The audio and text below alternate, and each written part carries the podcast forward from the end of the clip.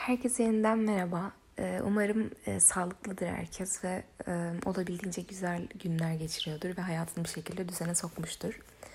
E, bu bölümde tekrardan biraz birkaç bölüm öncesinde konuştuğum konu üzerine farklı düşüncelerle kafa yormak istiyorum. E, bu da toplum dediğimiz e, yapı üzerine ve hepimizin içerisinde yaşadığı bu kocaman balon üzerine aslında bu şekilde adlandırabiliriz ve de ve zihinsel bir e, imaj çizebiliriz diye düşünüyorum. E, bu büyük balon içerisinde biz bir toplumu oluşturuyoruz ve bu toplum dediğimiz yapı aslında dünyanın binlerce bölgesindeki her neresinde olursa olsun farklı grupların ve bu gruplar içerisinde yer alan bireylerin e, bir araya geliştirerek oluşturdukları yapıya e, denir diyebiliriz bir nevi. Tabii ki bunun bir, bir sürü farklı açıklaması, daha bilimsel olanları, daha benim yaptığım gibi e, öznel olan şekilleri olabilir. Ama bu hayatı nasıl anlamlandırdığımız ve e, hangi açıdan olaylara yaklaştığımızda çok ilintili bence. E, bu toplumsal yapıyı düşündüğümüzde aslında biz her birimiz farklı uğraşlara sahibiz. Hayatımıza farklı şekillerde ilerliyor. Hayatlarımıza farklı şekillerde yön veriyoruz farklı eylemler gerçekleştiriyoruz ve bir şekilde e, maddi gelirimizi elde edip e, farklı boyutlarda, farklı bölgelerde ve dünyanın farklı yerlerinde yaşamlar kuruyoruz. Bazılarımız daha şanslı, istediğimiz şekillerde hayatlarımıza devam edip e, daha e, kendi elimizde olan şartlarla bir hayat yaratabiliyoruz. Bunun yanında, bunun yanında da dünyanın birçok yerinde birçok insan elinde olmayan sebeplerden dolayı daha büyük eforlar sarf ederek belki de e, tabii büyük kavramı yine çok öznel bir kavram ve kime göre büyük neye göre büyük tartışılabilir ama daha zahmetli diyebiliriz. Daha zahmetli bir işle çok sevmedikleri şeyleri yaparak bir şekilde hayatlarını devam ettirmeye mahkum insanlar oluyorlar. Böyle düşündüğümüzde aslında biraz da adalet konusuna geliyoruz. Adalet ve tabii ki bununla birlikte de gelen ifade özgürlüğü.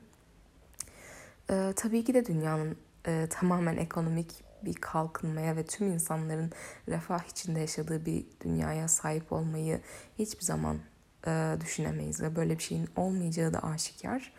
E, ama en azından şunu bence düşünebiliriz ve düşünmeliyiz yakın gelecek için. E, gençler de özellikle bunun üzerinden yürürse bence hani yapılamayacak hiçbir şey yok gibi e, söyleyebilirim. Biz her kim olursak olalım. Mesela Erzurum'un bir köyünde çiftlikte çalışan Ahmet amcayı düşünelim. Ahmet amca kendi küçük tamamen atıyorum iki dönümlük çiftliğinde orada e, ekinlerini biçerken, yaparken, işlerken neler düşünüyordur? Nasıl e, bir işlem yapıyordur? Bu işlemden ne kadar gelir elde ediyordur ve aslında düşündüğünüzde ne kadar çok insana etki ediyordur ve onların hayatlarında, onların beslenme şekillerinde, onların yaşamlarını devam ettirme şekillerinde nasıl bir rol oynuyordur? Bu şekilde düşündüğümüzde belki de e, oradaki Ahmet amca çok da mutlu bir şekilde hayatını devam ettiriyordur. Öteki yandan düşündüğümüzde bu da biraz uç bir örnek olsun diye bu şekilde vermek istiyorum.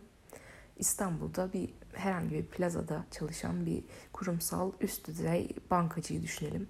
Bu bankacının çok farklı hayattan beklentileri var. Hayata belki de çok farklı bir bakış açısı var ama o da mali bazı biriktirdiği birikimlerle, yöntemlerle hem insanlara yön veriyor hem de en önemlisi bazı para politikalarıyla birlikte hem şirketlere hem de bunun yanında yine farklı grupta insan gruplarına ve bireylere e, ekonomik e, büyümeleri, gelişmeleri ve ilerlemeleri konusunda destek oluyor ve nasıl e, adımlar atarak ilerlenmesi konusunda bir e, üst düzey bir mercek olarak işliyor.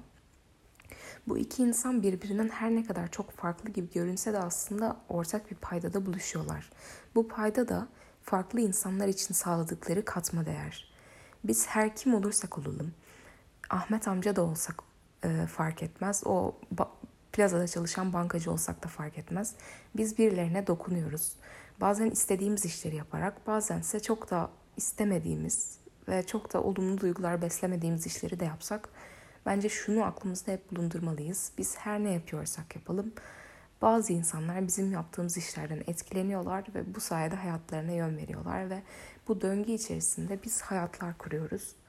Ve bunun içinde en önemli şey bu döngünün daha verimli ve e, daha ileriye dönük, daha gelişimci ve herkesin e, fikirlerini özgür bir şekilde ifade edebileceği bir dünya olabilmesi adına bence ifade özgürlüğü çok önemli bir kavram.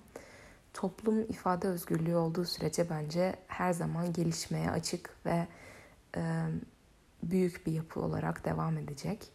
Bu yapıyı ne şekilde şekillendireceğimiz ve geliştireceğimiz bence tamamen bu açık zihniyetimize, özgür düşünceye ve ifade özgürlüğüne bağlı.